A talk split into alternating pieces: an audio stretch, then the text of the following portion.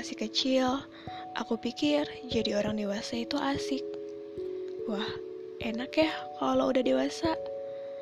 Nyatanya, pas kita udah masuk usia yang disebut dewasa, dewasa itu rumit. Personally, mulai ngerasa udah masuk di fase quarter life crisis. Agak kecepatan sih dari umur yang sekarang. Mungkin karena efek di rumah aja kali ya. Tapi yang jelas, hal yang paling menjengkelkan adalah ketemu orang yang lebih dewasa dari kita dari segi umur dan beliau menyebut dirinya dewasa, tapi nyatanya enggak.